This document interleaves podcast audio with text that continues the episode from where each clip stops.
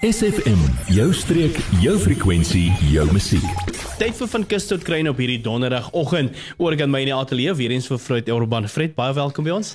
Môre maak maar ek moet altyd 'n aanmerking maak oor die weer wat ons so oorval. Ja. Maar dit is seker omtrent tyd gewees dat ons 'n bietjie slegte weer kry. Ons het baie lank daarvoor gewag, maar hier is sê dis hooplik as die laaste gedeelte wat dan nog verby gaan beweeg en dan is dit ons somerparadys weer wat ons aan gewoond is. Gelukkig het ons nou nog tyd om 'n bietjie van die rooi krans wat uitheemse gewas is op te brand soveel ja. as wat ons kan. Ja, dit is so. Ons het vandag so lekker mengelmoes goed waar ons gaan gesels en van kus tot kry en uh, dan kommetjie Kaapstad het daar ja. uh, so tydjie terug het daar 'n uh, inkvis uitgespoel, maar hulle noem dit 'n breëse inkvis. Dis nie 'n normale enetjie wat net wat jy sommer gewoonlik hier in die water vang of dit is in die rotse kry nie. Reuse inkvis het uitgespoel. So kom ons praat oor daai reuse. Ja, Ja, dit is eintlik teoreties sekere calamari. Jy weet, ja, ou sal lank weet aan daai calamari want uh, hierdie hierdie spesifieke een was taamlik goed. Ek dink sy sy arms uh, hy het uh, hy hy 10 kom ons sê uh aanhangsels waarvan ja. agt arms is en twee soort van grypers. Nou uh is is uh, so om, ongeveer 10 meter lank elke arm. En uh hulle sê dit kan 12 tot 16 meter lank word hierdie arms. En dan moet jy weet hoe groot die sak is want hy lyk maar soos 'n gewone ja, ja. wat jy uithaal sal ons nou maar sê ons ons ou calamari. Hy lyk maar so, maar is 'n reuse inkvis en hy lewe baie diep in die water. Ehm um, ek het so klompie jare terug gelees eh, 'n uh, boek wat Lawrence Green geskryf het. Ehm uh, En hy het geskryf dit het hier in die 1920s tussen 1920 en 1930 dink ek plaasgevind waar so 'n groot reuse inkwis.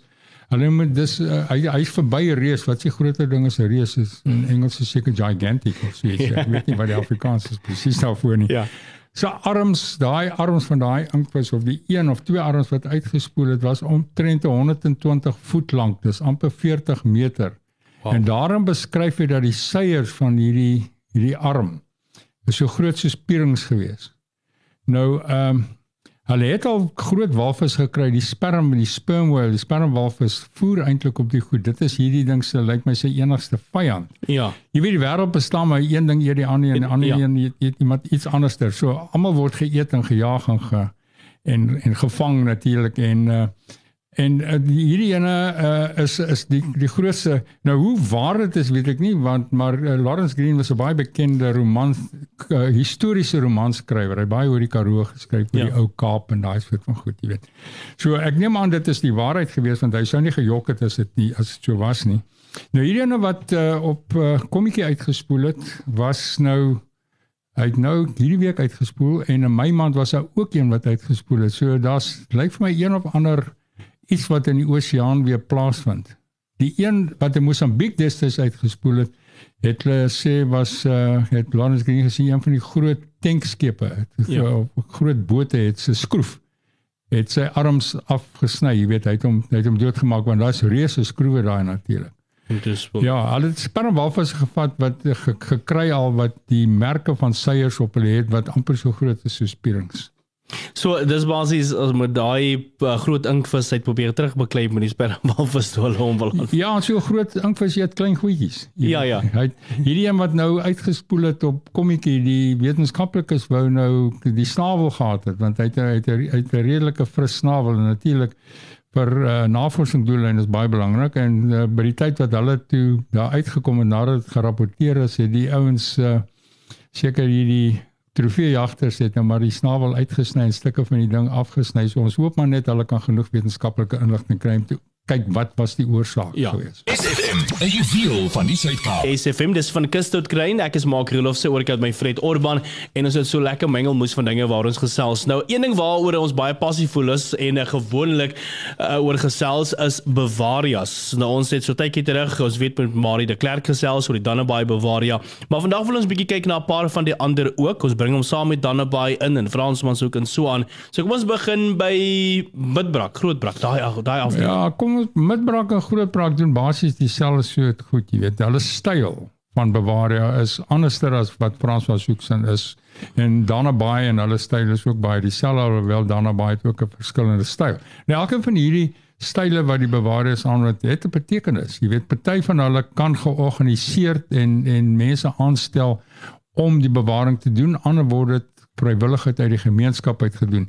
Maar dit sit 'n baie groot las hierdie vrywilligheid gewoonlik op die mense wat deel is want Baie mense wil graag deel wees van so 'n bewaring, maar hulle wil nie betrokke raak nie. Jy verstaan, ja. maar as jy by 'n bewaring is, dan dan is dit ook baie goed om betrokke te raak alhoewel dit nie nodig is nie. Is dit baie belangrik want Midbrak byvoorbeeld uh, onder uh, die die mense daarso uh gaan hulle en hulle maak paadjies oop in publieke oop ruimtes, haal hulle die rooi krans uit en uh, so 'n paar weke terug het hulle ook rooi krans uitgehaal, die paadjies gerehabiliteer en toe kom ouens met quad bikes en hulle ja. hulle het weer alles stukkend gery. Grootbrak uh, doen reuse werk daarso ook op die riviermond en natuurlik by die stasie het hulle nou onlangs opgegradeer. So hulle haal die die uitheemse uh, plante groei baie uit en hulle probeer bewaar so ver as wat hulle kan. Daarna baie natuurlik met Marie de Klerk daarso, sy het 'n groot standpunt ingeneem nou en sy is ook besig om mense te mobiliseer uit die gemeenskap uit om om meer aktief deel te neem in klein bydraes te maak Hmm. Uh finansiëel uh, in klein klein mate 20, 30, 40 rand 'n maand, jy weet dit eintlik niks is nie, is minder as wat mense hamburger vir betaal. En dan het jy op die einde van die dag het jy natuurlik die Franswa soek.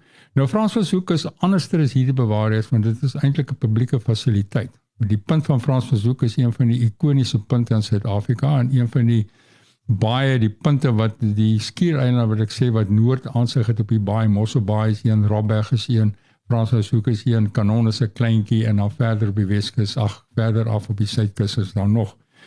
As jy Franshoek hoek toe gaan, kan jy naweek daar deurkom. Jy kan walvisse besigtig hierdie tyd van jaar. Jy sit daar op 'n bankie en jy kyk hoe kom die walvisse sommer hier teen aan jou verby. Daar's gewoonlik baie dolfyne daarso.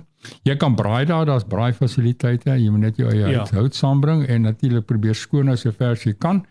Jy kan nie met 4x4s oor die punt ry nie. Die paaie is daar gemaak. Hulle is die 4x4 roetes wat daar voorheen was waar die plante groei vernietig het is is uh, toegemaak. Uh honde word toegelaat daar natuurlik onder beheer en uh op op 'n leiband. Uh en so dis baie belangrik mense wat honde bietjie wil laat stap daar of saam met honde wil gaan stap. Is dit so maar daar's natuurlik dassies en wild daar so hierdie honde kan nie rondloop. Hulle kan nie jag nie. Ja ja ja. En dan uh daar is ongelukkig nie 'n kampplek of akkommodasie nie, alhoewel Vleesbaai daar naby het dit. So as jy vir 'n naweek na Vleesbaai se karavaanpark gaan of so iets met die gehad en dan kan jy altyd daar kom uitspan of Frans soek. Dan natuurlik dis een van die plekke waar die grootste kabeljou in die land al gevang is. Hulle hulle praat van kabeljou waar jy daar moet wegry met 'n kruiwaai. Ja.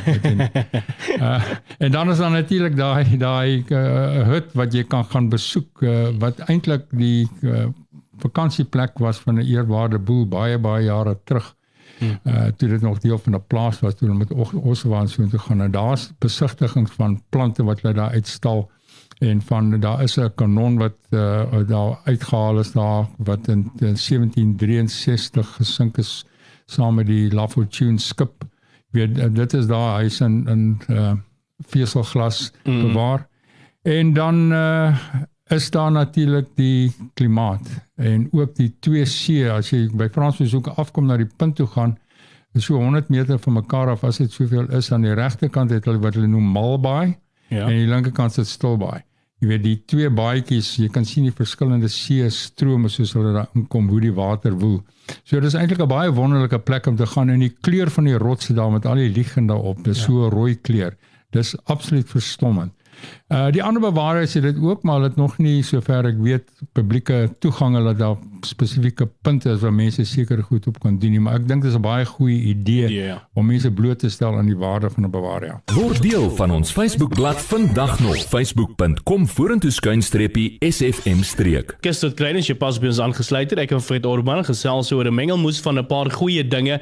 Nou, uh, die groot fokus van die program is maar gewoonlik die omgewing om mense op te voed en uh Baie van die vrae wat 'n mens gewoonlik kry is wat is die rede? Ek dink maar meeste van die mense het 'n idee, maar wat is die rede vir die agteruitgang van die omgewing? Wel vra jouself, jy weet, as jy byvoorbeeld 'n uh, 'n muur sien of 'n springkans sien, maak jy hom dood of los jy hom? Dis nou een rede. Mense vernietig dinge sonder om dit te benut. Uh, of te oorbenut. Dis een. Dan natuurlik mense tegnologiese vooruitgang van die van die uh, ons spesies die Homo sapien ja. is ongelooflik gevorderd teenoor wat dit was as 'n mens wat uh 2000 jaar terug of 5000 jaar terug toe mense net 'n klip gehad het om goed mee te doen. Toe het hulle geleer om goed aan mekaar te sit en nou is die tegnologie so gevorder dat die goedjies, die twee klippe of die klip en die stok wat hulle aan mekaar gesit het, nou gevorder tot selfone en komputers en al daai soort van goed. En dan natuurlik die uh uh die die oorsaak wat dit veroorsaak is dit dit gee lei tot hongersnood en armoede. Want ja. as jy die omgewing vernietig, vernietig jy eintlik die mens want die mens is afhanklik van die omgewing. Jy besoedel die lug, jy besoedel die riviere, jy besoedel die die die riool besoedel die water. Dan spesie vernietiging. Mense behaal gewoonlik as jy 'n bouperseel sien hier by ons wonderlike natuurlike bos wat ons sê, dan kom die voorlaaier en hy skraap alles skoon en dan as 'n boue huis en as hy en dan sit hy daar terug en sit hy grasperke en dan begin hy gewoonlik roosbome plant of iets van die aard uit. In plaas van om die natuurlike plante te groei en ja. om dit te probeer ontwerp en om dit te bou. Maar dis ekonomies dis nie altyd ekonomies nie. Dan natuurlik dit uh die veranderinge dit verander klimaat. Uh dit vernietig voedsel en dan natuurlik veldbrande is 'n groot oorsaak van, van die bronne uh, ja. En, en, en asprusveldbrande want in die natuur van veldbrande natuurlik praat.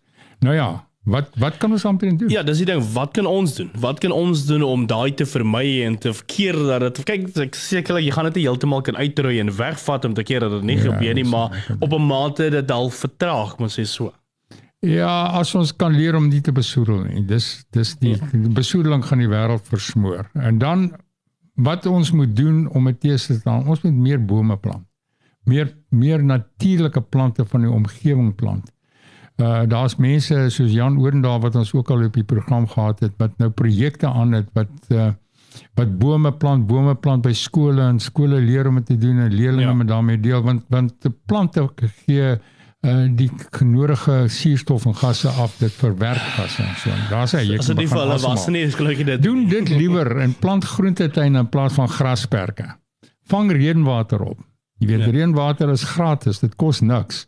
Die die houer wat daar is kos natuurlik iets, maar as jy reënwater het, het jy reënwater en dis gewoonlik baie suiwerder as uh as geklorineerde water. Ja hersirkuleer, gebruik goed oor en oor. Moenie as jy een ding gebruik om weggooi nie, probeer hom weer gebruik. Uh van minder brandstof verbruik. Ry minder rond. Uh probeer om dit te bespaar en dit raak so die idees dat ek dink ons het nie 'n keuse meer nie. Dit dit gaan sy eie bewaringsaksies uh, bring. Uh, dan die, hmm. die gebruik van chemiese landbou uh produkte wat baie vernietig wat wat uh, afspoel in die rivierlope in en die visse vernietig in die lope en so aan. So daar moet ander maniere gevind word om dit te doen. Dan vergiftiging. Mense gooi uh, uh as as hulle rotte wil doodmaak op 'n plaas, dan gooi hulle gif. En dan maak die gif nie net die die rotte dood nie, maak die eile ook dood. En ja, ja. maak die die jakkalsvoël dood. Nou onlangs het daar by Boelsmith hulle hier by Riversdal is daar weer die tweede keer wat dieselfde uh breinjakkalsvoël opgeneem is vir vergiftiging die tweede keer in 2 jaar. Ja ja. En dan natuurlik uh die groot ding is hoe die populasie aan was. Ons word te veel vir wat ons het en ons misbruik wat ons het. En dis die groot rede is. Nou uh wat doen ons daaroor? Ja. Ja, onder, as dit net na energie toe kan gaan. Jy weet, ek het nou baie opgelees ook en ek het onlangs 'n artikel gekry wat sê dat jy kan energie vervaardig uit sonlig, water en koolstofdioksied as jy dit reg doen en dis dis nie eh, dis nie besoedelend nie. En dan daarmee saam is eh, wil ek ook sê dat ek uh, heelwat opgelees het deur die jare en ook baie by mense gehoor het dat die die industrie, die olie-industrie probeer elke patent wat opkom om energie te verskaf probeer hulle opkoop en hulle doen dit gewoonlik baie. Hulle staan net teen en hulle betaal baie keer sê die mense, ek weet nie, ek het geen bewys daarvan ja. nie. Maar ek sien nie verbaas wees as so is nie. Betaal hulle mense uit en dan koop hulle die patent op sodat dit nie op die mark moet kom dat dit uh, dat dit weerstand kan bied uh, mm. of 'n uh, ja, wat moet dit uh, uh, kan kompeteer met met uh, fossiel energie nie. Ja ja. So ja, dis maar 'n paar van die punte waarvoor ons tyd het vir eers vandag, maar dis so gaan die lys aan, daar's baie wat ons kan doen.